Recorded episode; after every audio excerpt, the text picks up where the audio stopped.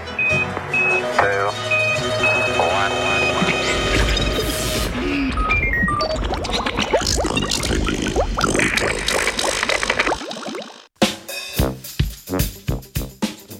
Kmetovanje z morskimi algami za zajem oglikovega dioksida.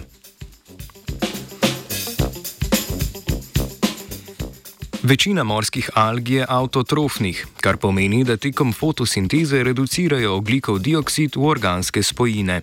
S tem iz okolice oduzamejo CO2. Nekatere predhodne raziskave pa so nakazale, da v poznih obdobjih rasti alge lahko postanejo vir sproščanja CO2.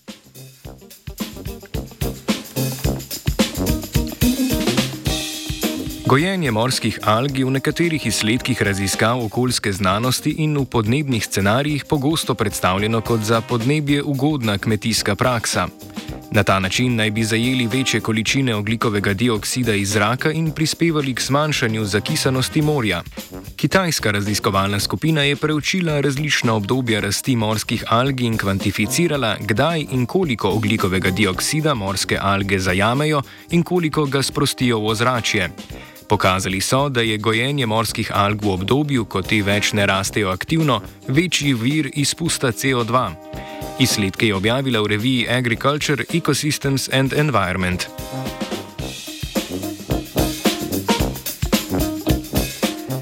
Eksperiment so izvedli na območju najintenzivnejšega monokulturnega gojenja morskih alg na Kitajskem, v zalivu Sangu Rumenega morja. Morsko travo tam gojijo od 60 let, predvsem za prehrambeno industrijo.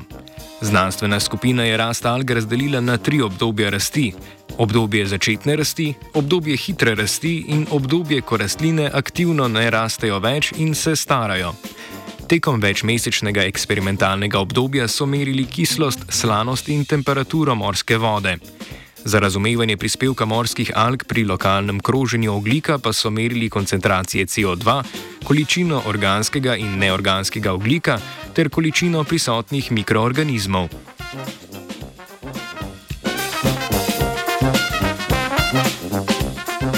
Meritve so pokazale, da se je parcialni tlak oglikovega dioksida v fazi hitre rasti alg v primerjavi z okoliško morsko vodo, kjer alg ne gojijo, znižal.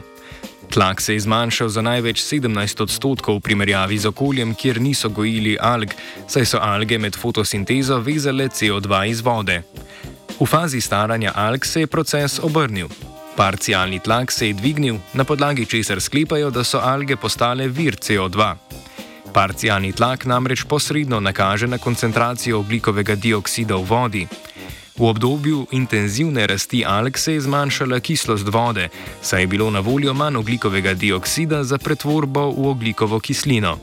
V obdobju staranja rastlin pa se je zaradi povečane količine CO2 v morju kislost spet povišala.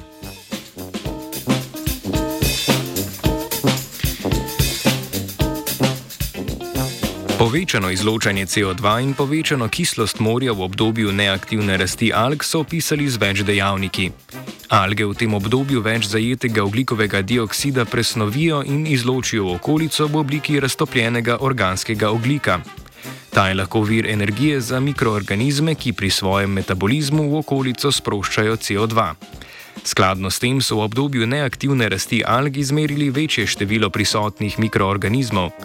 Kislost vode pa je bila višja tudi zaradi temperature morja, ki je v obdobju odraslosti alg najvišje.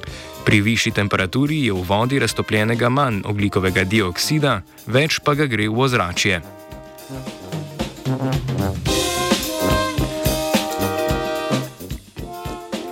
Znanstvena skupina je pokazala, da so morske alge tako ponor kot vir CO2 v različnih obdobjih, pri čemer količina zajetega CO2 prevladuje nad sproščenim. Da pa bi gojenje morskih alg bistveno pripomoglo k blaženju podnebnih sprememb in predstavljalo možen način hrambe oglika iz ozračja, bi morali po mnenju znanstvenikov in znanstvenic v konkretnem primeru gojene morske alge požeti tik ob koncu obdobja intenzivne rasti, ko alge vežejo več oglikovega dioksida iz zraka.